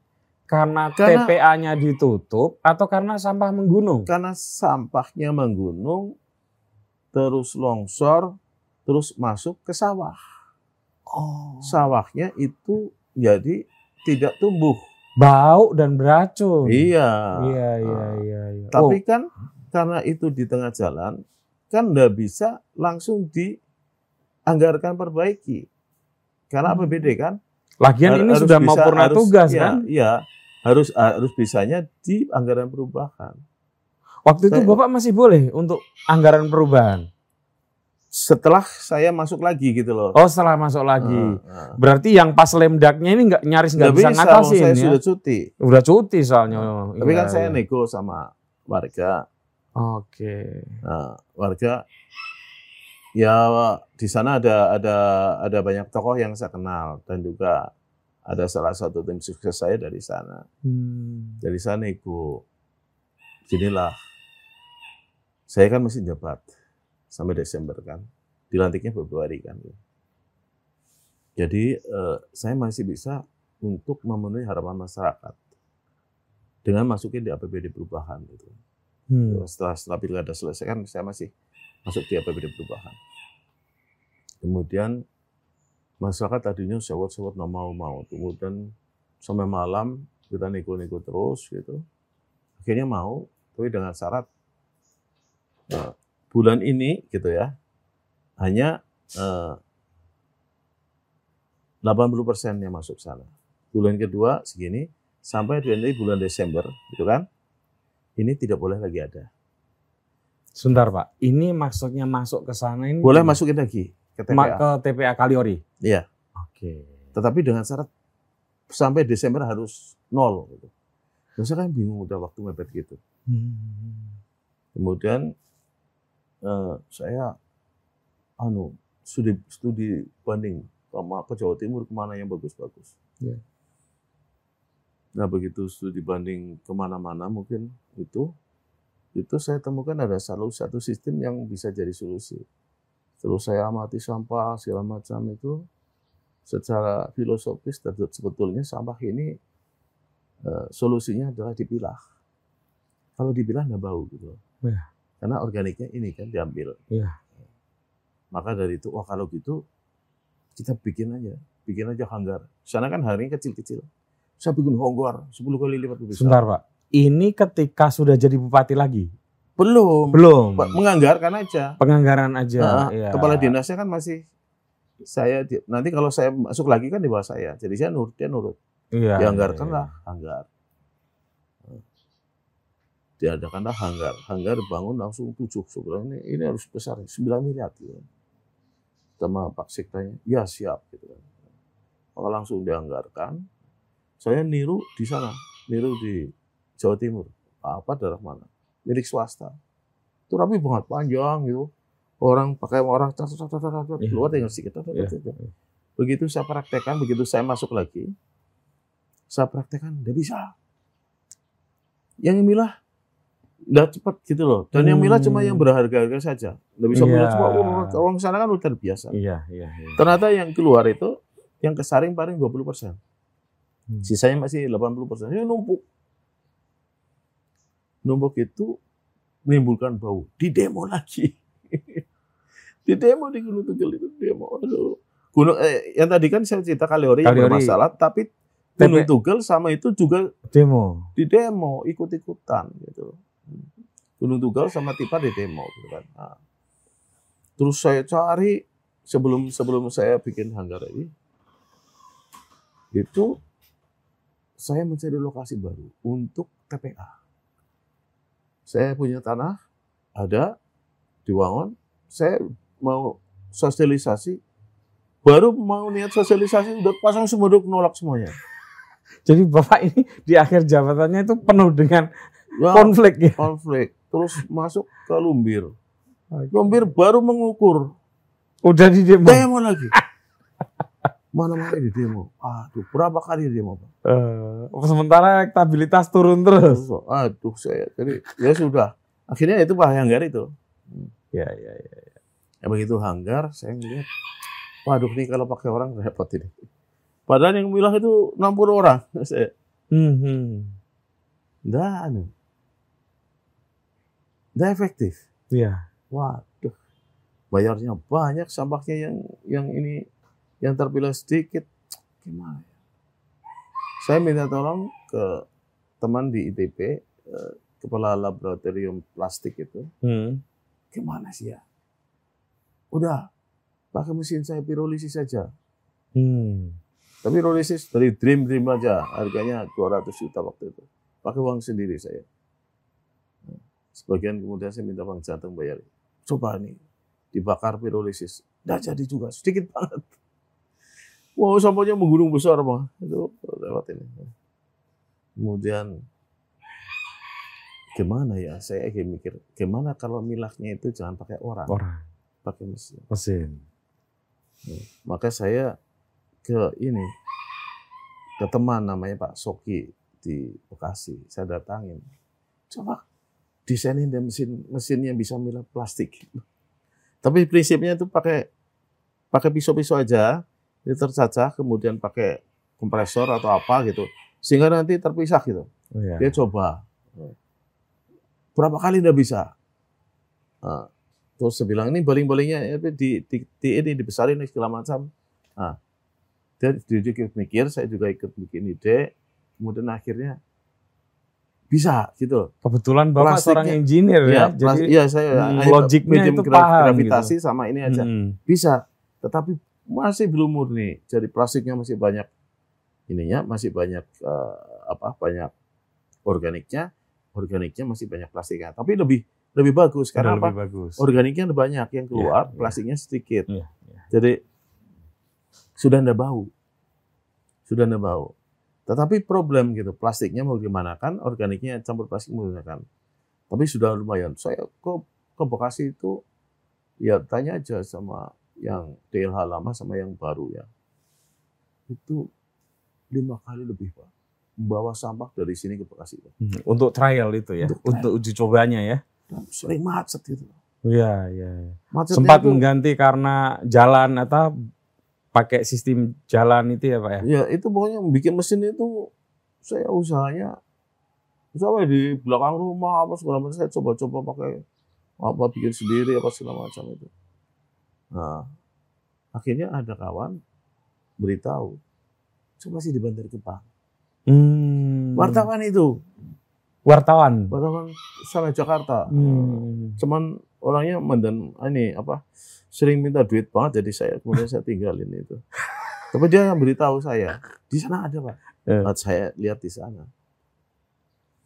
Kemudian eh, saya cek, oh, ini bagus ini, gitu kan. Ini sistemnya bagus, sudah pakai peso. Pakai Tapi welding. si kita di sini sudah pakai peso pak. Iya. Artinya Sudah beli. alat itu sudah jadi lah Sudah ya. jadi di sudah jadi sini. sudah beroperasi ya Sudah pakai beroperasi. pisau. Cuma kapasitasnya kecil, Kecil, dan pakai peso. pakai pisau. Sehingga pesonya kan harus selalu diasah gitu. Betul. Tapi sudah sudah nurunin banyak banget pak. Sampah itu mungkin eh, udah tinggal 40 persen. Maaf Pak, prosesi itu tahap itu tuh Bapak udah jadi bupati Udah jadi bupati yang kedua. Udah jadi bupati yang kedua Hmm. ya. Oke. Bupati kedua. Ya. Jadi itu. Eh, nah itu. Tapi kan saya sudah ngatasin ini. Yang masuk yang udah selesai Yang boleh dibikin di- anggar-anggar itu ya. nggak boleh di itu kan, nggak boleh masuk ke itu. Tapi ternyata masih bisa dinego. 20 truk boleh gitu lah. Nah itu sehingga sisa itu masih itu kan. Iya, iya. Nah, nego lagi itu saya. Masih boleh terusnya. Sampai kemudian ini benar-benar selesai saya udah tutup betulan. Nah, jadi ini proses mencari mesin ini ini eh, saya lama pak. Lama trial er- trial errornya. Hmm. Awalnya banyak banyak pakai kalau nggak pakai pribadi pakai CSR.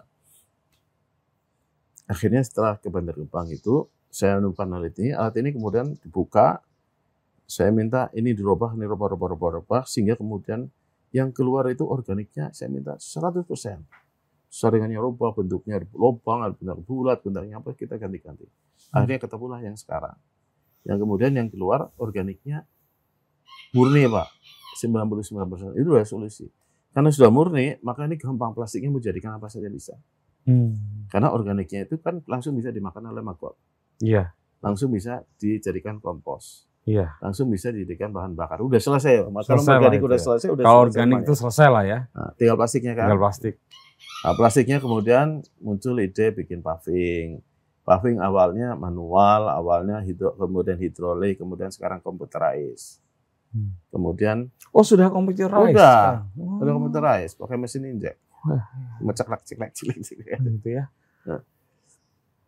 Nah, dalam perjalanan ini mesin-mesin ini jadi ternyata kemudian ini di di perjalanan waktu ini waktunya ada kapan lupa saya di Cilacap geger ada pabrik pengolahan sampah RDF. Nah, Wah saya langsung berangkat ke sana. Berangkat. pokoknya yang Pak semua berbau sampah, Bapak saya tertarik datangin, pokoknya. Datangin saja, datangin di Cilacap. Saya pelajari saya orang bule nih siapa dari kan dari kan anu dari Kanada. Saya tanya nomor teleponnya. Saya diskusi sama orang Kanada. Hmm. Yang kebetulan saya udah biasa bahasa Inggris di Cioda gitu. Iya, iya. Wah, saya diskusi panjang. Oh, gini gini prosesnya gini gini. Wah. Terus kalau gini gimana gini gimana? Oh, ternyata Cilacap harganya berapa? 85 miliar. Waduh, udah mampu 85 miliar. Maksudnya Semua mesin-mesin itu Harganya belinya 85 85 miliar. miliar. Aduh, kita nggak bisa tiru deh. Tapi RDF itu dibutuhkan, masih banyak kurang. Gitu. Wah, akhirnya saya, loh kan saya punya plastik. Iya. Terus saya, saya lihat hasilnya gimana? Oh ternyata RDF itu cuma namanya yang gagah. Tapi sebetulnya cuma plastik yang disobek-sobek gitu. plastik yang dicacah Dicaca aja. dalam sentimeter Dan, kecil ya. eh, eh, 5 cm dan kekeringannya aja gitu. Oh Harus iya, kering, iya, gitu kan. water contentnya ya. Terkonten aja. Itu aja syaratnya. Wah kalau itu gampang. Ya tinggal plastik saya aja saya cacah itu. iya, ini ngomong sama insinyur ya kan. Maka kemudian saya bikin mesin cacah. Frase. Ah, nggak perlu beli yang 85 miliar. Nah, saya beli bikin di Lalu itu Oke. bisa dijual ke pabrik semen ya Pak ya kalau? Iya, setelah dicacah jual ke pabrik semen jadi RDF. Ah. Jadi saya tidak perlu itu. Jadi jualnya itu dalam bentuk yang gagah itu tadi ya. Iya. Walaupun sebetulnya itu ya maksudnya plastik yang sudah dicatat. Iya, iya. Oke. Itu. Pak Hussein, alat itu di satu hal ya. Tadi sudah di apa diobrolin prosesnya yang jatuh bangun, pokoknya yang semua berbau teknologi sampah, Bapak coba Hmm, eh, melakukan inovasi ya. hmm. Tapi manajemen sampah itu kan hal yang berbeda ya. Dari masyarakat ke Ah, itu yang Ah, itu sisi lain, tuh? sisi lain. gimana tuh? Sisi lain kan kemudian gini. Kalau saya itu ngelola sendiri semuanya, kalau ada masalah kan saya harus bertanggung jawab lagi. Betul. Maka saya pikir mikir gini, ini mesti masyarakat harus dilibatkan Hmm. supaya tanggung jawab hanya di pemerintah daerah. Tapi bagaimana untuk melibatkan masyarakat? Maka kemudian saya bikin KSM, Oke. Apa Yang- itu Pak KSM? ke kelompok swadaya masyarakat. Oke. Itu pertama kali yang bikin KSM, KSM itu mau dibangun, itu di demo juga. Gak Kenapa? mau, Mau Pak. cuman mau bikin kenapa di Bikin bangunan, kemudian di situ untuk olah sampah. Mereka nggak Oh, percaya. udah top of mind-nya itu udah, ah, percaya, bikin masalah masalah ini percaya. gitu ya. Nggak percaya, nggak percaya di demo juga. Oh, iya iya iya. Terutama itu yang di Kedungran, aduh itu kan saya. Wah, iya ini bukan main, makanya itu untuk percontohan, karena dekat dengan Purwokerto. Saya, saya paksa, saya datangi rumahnya, saya sendiri datang. Saya mintalah kasih waktu saya.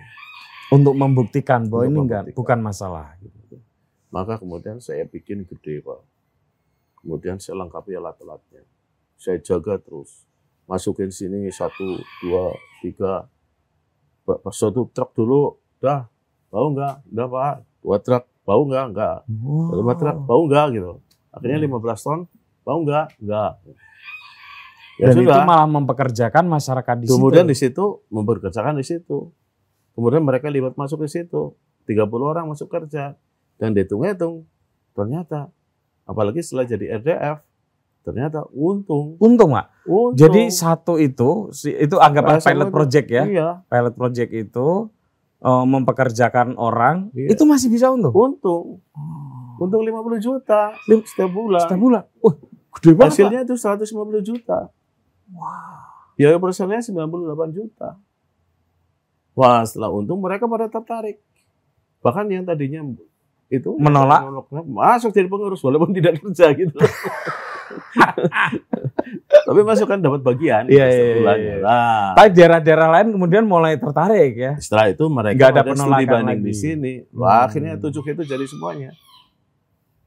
Inilah tahap awalnya kemudian yang jadi 27 kalau nggak Eh, di dalam perjalanan itu kemudian ada yang memprovokata- mempro- memprovokatori. Pun di demo lagi. Masih, Oh, masih di jalan. padahal masih da- udah dapat Nah, kerja karena nggak, ada Bro? ada ada ini ada ada asap pirolisis itu. Tapi saya jelasin. Oke oke oke. saya kemudian asapnya saya tinggikan aja, ininya cerobongnya. Kemudian saya bikin monitor gitu kan. Nah, saya bikin monitor. Kemudian apa? Saya modifikasi lah gitu. Gimana sekarang? Dah gitu. Ya sudah, jalan sampai sekarang. Untung. Yang lain semua semuanya ngikutin. Nah Pak asapnya itu non sewu Pak. Itu bisa dijelaskan nggak kenapa di demo? Eh, Atau ada inovasi enggak, lagi karena ada dalam? inovasi waktu itu plastik. Bikin paving itu. Oh, Paving itu pakai asap. surgar, Iya. asap itu nyengat gitu. Kalau Oke. tadi pirolisis dan nyengat, asap ini nyengat, kemudian di demo. Kemudian saya robah ini, kemudian saya pindah alatnya.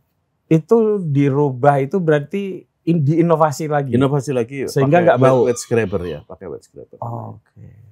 Ya itu kan ilmu juga kan.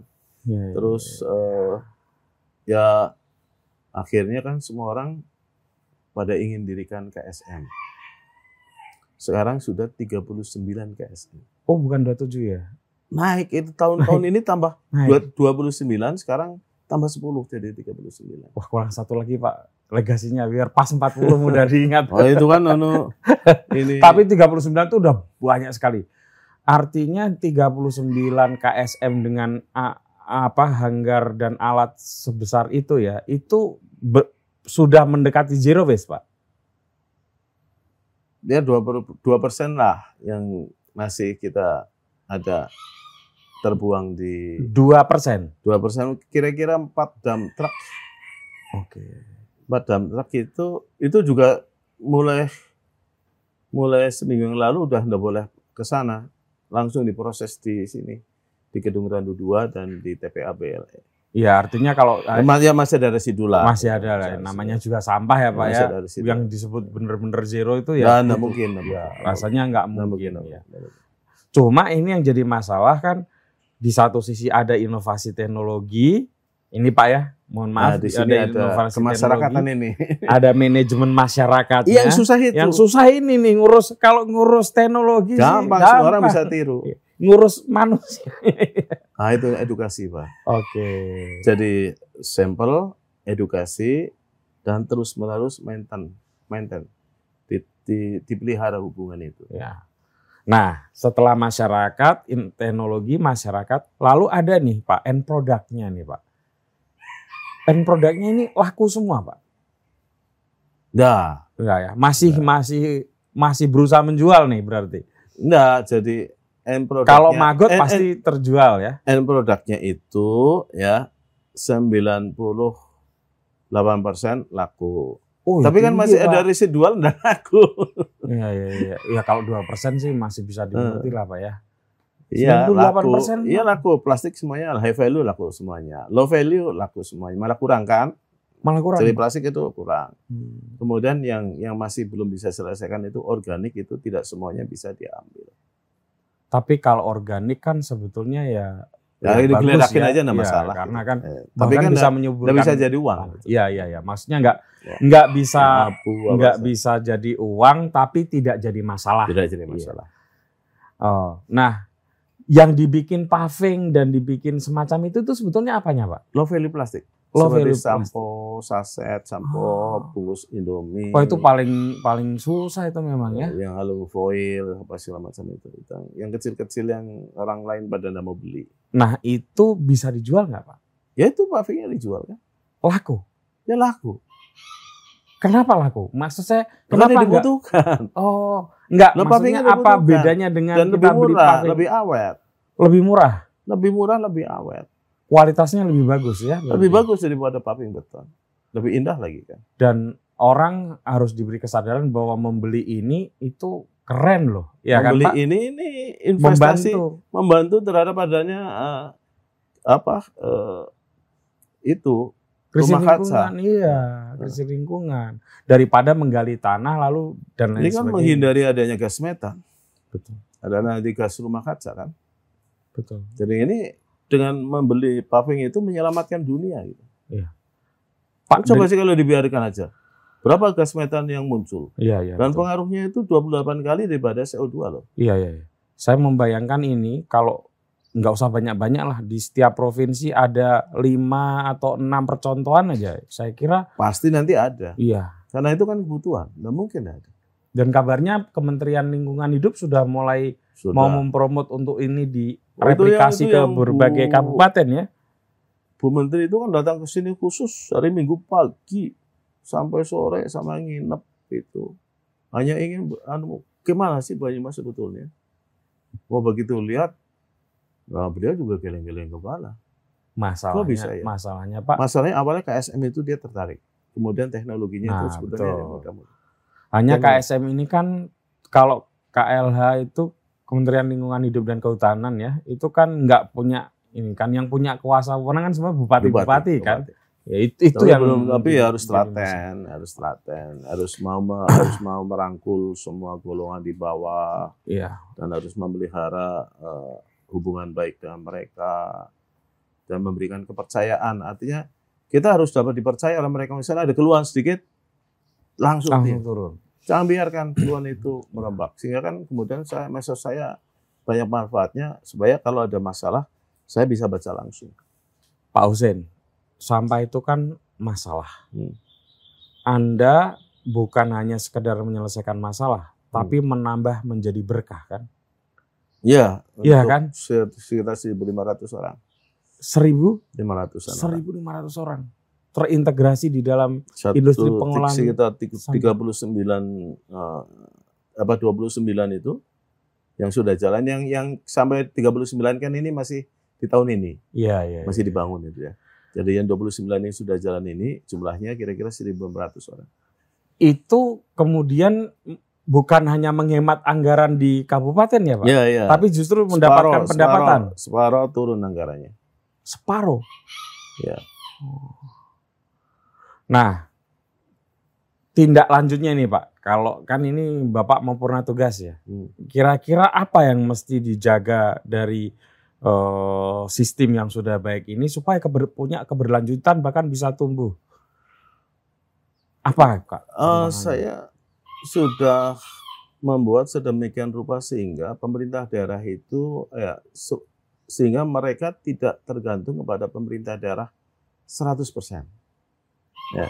Itu mereka ketergantungannya itu hanya pada hal-hal yang sifatnya urgent dan besar. Hmm. Maka pemerintah daerah bisa masuk. Kalau yang tidak yang biasa-biasa kecil-kecil aja, mereka sebetulnya sudah independen.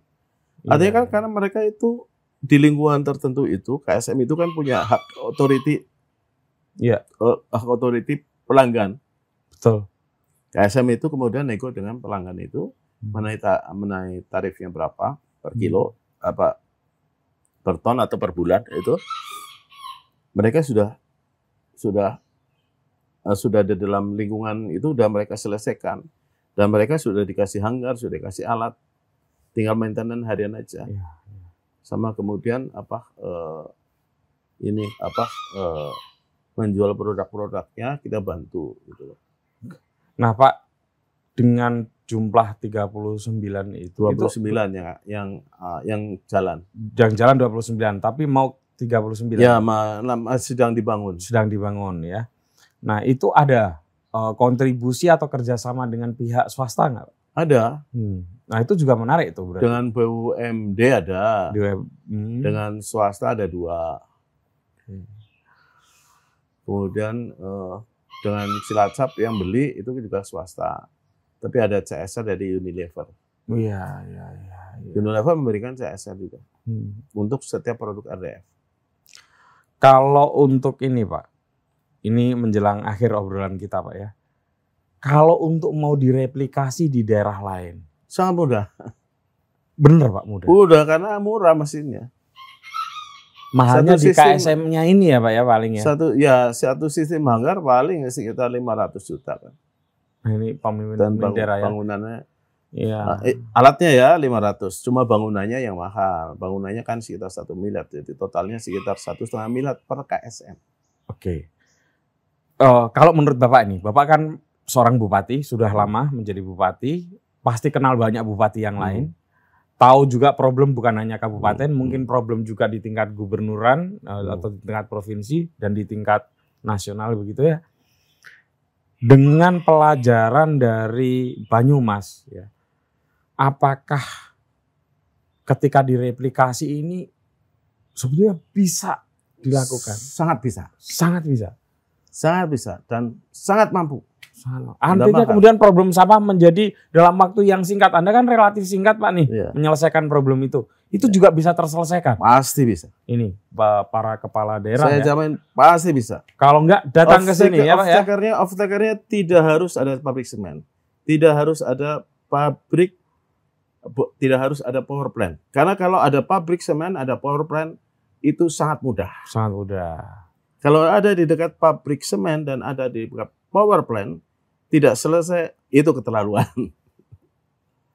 itu aja rumusnya. ya. Iya. Kemudian yang di luar itu tidak harus ada dua pabrik itu. Pabrik tekstil juga Bisa. menyelesaikan masalah. Tuh. Yang bikin yang yang memakai bahan bakar batu Ini maksudnya off taker itu yang dari tadi itu membeli, yang membeli, membeli, ya, produk. membeli yang Off-taker itu membeli ya, produk. yang tadi ada cacahan itu tadi ya. Itu. Kemudian eh, pabrik tekstil yang menggunakan batu bara itu juga makan ini, makan eh, Butuh lah eh, itu butuh gitu. ya. Kalau tidak ada tiga-tiganya, masih bisa bikin paving, Paving. papan, alat bahan bahan bahan bangunan yang bisa dipakai oleh pemerintah daerah itu sendiri. Betul. Itu Dan, selesai kan? dan itu tidak Dan perlu ada- menebang ada- pohon dan Ada lain-lain ya, ada Pak. ada magot itu kan? Iya, gitu. iya. Ada kompos yang pasti berguna. Nah, rupanya apa yang Anda lakukan, Pak Husen ya, dilirik oleh dunia internasional. Oh, saya lihat di YouTube sering presentasi di berbagai negara. Oh ya, itu karena Kemarin juga datang ASEAN, apa tuh? sebetulnya itu karena Smart. ada di- di- ada dirjen namanya Ibu Vivin dan ada direktur namanya Pak Nofrisal itu Hmm. yang mempromosikan saya. Dua orang itu nggak ada yang saya. Tapi memang layak dipromosikan sih Pak ya. Ya, karena beliau datang ke sini ngelihat Iya, gitu. iya, iya. Dan Bu Menteri itu nyuruh saya patenkan Pak Hussein. Maka saya patenkan itu. Oh sudah dipatenkan. Oh iya, saya punya paten ada tiga. Ini yang dipatenkan apanya nih? Sistemnya Sistemnya. sama ya? al mesinnya. Oh mesinnya ya. Mesin dan mesinnya. sistem. Kalau sistemnya sistem yang apa nih Pak? Satu sistem, KSM atau- universal, universal bukan sistem KSM nggak Enggak lah ya, itu kan. Bukan masyarakat, ya. Jangan Sistem lah itu. mesin Sistem mesin. Oh. Sistem mesin. dan mesinnya Iya. itu saya iya, patenkan iya. ada tiga. Tapi kan itu saya sih hanya ya hanya untuk melindungi diri saya sendiri lah. Ya, Kalau so- ada orang mau pakai pakai aja, nggak pernah saya so- tuntut gitu. jangan sampai misalnya orang bikin lalu dipatenkan duluan Iya, ya, Pak gitu. itu lalu Saya dia orang-orang mau pakai pakai aja, iya, masalah. iya. Bagi Wah, saya ini nggak baik masalah. baik banget ini Pak. Cuma ini. saya jangan mau anu nanti saya dibodohin orang gitu aja. Kalau saya nggak mau bodohin orang, tapi saya juga nggak mau dibodohin orang. artinya nih ya Pak. Ini kan tahun 2023 mau 2024 ya. Hmm. Terus sebentar lagi kan Pilpres. Kalau presiden yang ak- yang akan datang dalam satu durasi kepemimpinan saja sudah bisa membebaskan Indonesia dari persoalan sampah nih Pak. Pasti, Harusnya bisa ya Pak ya. pasti saya bilang pasti bisa. Wah, kalau nggak bisa berarti presidennya harus menjadikan beliau menteri apalah yang khusus ngurus. Ah, tidak harus, tidak harus. Tidak harus ya. Tidak harus, tidak harus. Ah, Tapi Anda yakin kan bisa? yakin Karena bisa. problem plastik ini ngeri Pak. Ikan saja sampai nggak bisa dimakan. ya sebetulnya selesai itu. Selesai bisa selesai Pak ya. Karena bisa dimodifikasi barang yang berharga. Sayangnya eh, waktunya ya. Riset plastik itu, riset plastik itu saya betul-betul sangat dalam Pak. Saya goreng plastik itu berapa kali di di di, di samping kantor dulu ada kompor itu. Malam-malam saya gorengi plastik, saya campur plastik dengan minyak, saya plastik dengan oli, saya plastik dengan apa. Saya bikin paving berapa macam, berapa kali Pak. Yang penting jangan dikasih garam aja. Wah itu saya mendalami betul itu karakter plastik itu. Apa Hmm. plastik mana yang bisa, mana tidak, foil bagaimana, aluminium foil bisa hancur karena apa itu saya saya Benar-benar saya uji coba sendiri Pak ya. mendalami ini. Tapi saya senang memang. Saya senang, subhanallah. Kok bisa gini ya? Ya Allah. Jadi kalau menemukan itu kan kemudian keluar kata-kata subhanallah gitu loh. Nikmat gitu loh. Oh. Subhanallah gitu. Apalagi tahu bahwa nikmat. ini sebetulnya problem dan bisa Hmm. diselesaikan gitu ya Pak. Iya, jadi kalau begitu menemukan hal yang baru, kemudian ini kan keluar otomatis itu subhanallah gitu. Jadi nah begitu keluar kan nyes gitu loh. Iya, iya, Karena iya, itu kan iya. di luar di luar kesadaran. Iya. Yuk, loh, bisa gitu. Yuk, gitu. Baik Pak Hussein, sudah cukup lama kita ngobrol. Ya. Ya, Siapa Bapak juga Anda? mesti harus istirahat. Ide lain ada, dari- katanya dari tanya ide lain. Apa? Ide lain. Ya? Ide lain. Ide lain. Oh, enggak Pak, ini cukup Pak. Saya ada ide lain. Apa? Apa Pak? Ya. Karena saya kan senang riset. Indonesia itu Ma- kan masih sampah? bukan Bukan. Apa Pak? Biotenol. Biotenol. Ada alatnya besar banget. Oh, Bapak lagi fokus itu juga? Udah lama. Pertama kali saya biotanol. Biotanol Iya. sebetulnya itu bisa menyelesaikan masalah energi. Karena kita adalah daerah tropis. Daerah yang banyak ditumbuhi oleh tumbuh-tumbuhan. Betul. Saya riset dengan sorghum, Ya. Hmm. Ini bisa menghasilkan biotanol. Dengan alat ini. Ini alat ini besar banget. Oh. Alat ini alat produksi dari eh, Serpong. Tapi saya minta Hmm. Itu untuk menyelesaikan masalah energi. main energi. Jadi Hmm. kan kan gini, masalahnya adalah kalau misalnya ya dari singkong katakanlah, Iya. singkong ya dijadikan bioetanol, hasil hasil bioetanolnya dijual sekarang Ya. itu tidak bisa nutupi biaya operasional. Oke. Itu dari dulu bermasalah. Masalahnya gitu. Jarak juga dulu gitu, Pak. ya? Jarak juga begitu. Iya, masalah Karena terus apa? pokoknya kita. Karena apa? Prosesnya ya, proses fermentasinya ya itu dua kali, Hmm. pemanasannya dua kali. Oh, menjadi tidak efisien. Kemudian penguapannya, penguapannya ini tidak bisa tepat pada saat biotanol kan uap di 8 98 derajat Celcius. Ya. Sehingga itu kalau di, di- dipanasin dengan cara biasa ya Hmm. itu kelewat. Pak. Oh. Sehingga nanti itu hilang banyak. Iya iya iya. Sehingga. Ini efisiensi- efisiensinya luar biasa. Lah dengan alat ini ini ini, ini serpong untuk saya nggak bisa nerusin ini. Ini nggak tahu nanti alat ini bagaimana nasibnya. Itu itu bisa tepat sekali. 98 tepat set. Ini bisa nih Input outputnya Ini tepat sekali. oh, Sehingga jumlah produksinya banyak. sehingga yang kedua, ekonomis. yang kedua karena pakai listrik ekonomis. Oke. Sehingga biaya operasionalnya itu murah. Hmm. Sehingga kalau biaya operasional, biaya operasional dibandingkan dengan harga jual, kira-kira sama. Sama sekarang. Tapi ada yang bisa dijual lainnya. Ampas Sisanya, residunya. Ah iya iya. Itu yang untuk pakan Pakan. sapi. Iya iya iya. Keuntungannya di situ. Dan Jadi itu besar kan itu. Hah? Pakan sapi kan sekarang juga Ya, besar. mahal, mahal. Itu. Apalagi Banyumas pusat Sehingga ternak sebetulnya juga. kalau ini dilanjutin, ini akan menyelesaikan masalah energi. Itu. Cuma Cu- itu Cuman ini masih uji coba ya Pak ya? udah selesai. Udah selesai? Udah selesai. Oh, ini saya saya anu apa? Itu coba di- dipakai ini. Alatnya itu Itu minyaknya bisa untuk apa Pak? Apa saja Pak? Nah, kemarin saya gunakan untuk itu untuk COVID alkohol. Oh, Itu waktu awal-awal susah. oh yang ciu itu? ciu itu saya bikin ciu. saya bikin pakai itu. Oh itu pakai itu ya? Tapi kalau untuk penggerak energi apa Pak yang bisa Pak? Hah? Jadi bioetanolnya kan masukin motor langsung. Ya bisa. motor kan Iya. berarti? Oh, Iya. Mo- Kendaraan lah ya pokoknya. Kendaraan. Ya, yang kedua saya juga masalah COVID. Ya. COVID itu ternyata ya, di temperatur 54 derajat Celcius itu udah mati, Pak. Saya sudah sudah ambil beberapa macam sampel COVID ya, Pak ya. Kenapa saya berani terhadap itu, Pak? Iya. Karena saya tahu bagaimana mencegahnya. Hmm. Jadi COVID itu satu ya eh, dengan minyak kayu putih itu Iya. namanya minyak apa saja dulu Pak? Ka- kecil Bukan bahasa latinnya itu. Eukalip- Oik, oik, apa? eukaliptus. Eukaliptus itu. Eh, Eukaliptus itu itu mempercepat mati Pak. Itu saya buktikan. Saya ambil itu ambil ambil ambil ini eh, tes orang yang kena itu. Hmm. berapa kali sambil tes saya ambil sampel sampel sampel itu nah itu saya masukkan di zona pak zona tempat anu mandi uap itu. Hmm, itu sauna kan ya. bisa di setel pak Iya, 50 iya, iya, bisa, 60 derajat celcius Iya, kan bisa, bisa. setel. Hmm. beberapa kali itu kalau anak saya kenapa saya masukkan situ. Besok cek lagi sembuh pak. Hmm. anak saya masukkan situ. Hmm. belum belum belum saya masukkan situ cek dia sembuh sembuh masukkan situ. Sembuh kemudian saya juga kena saya masukkan situ.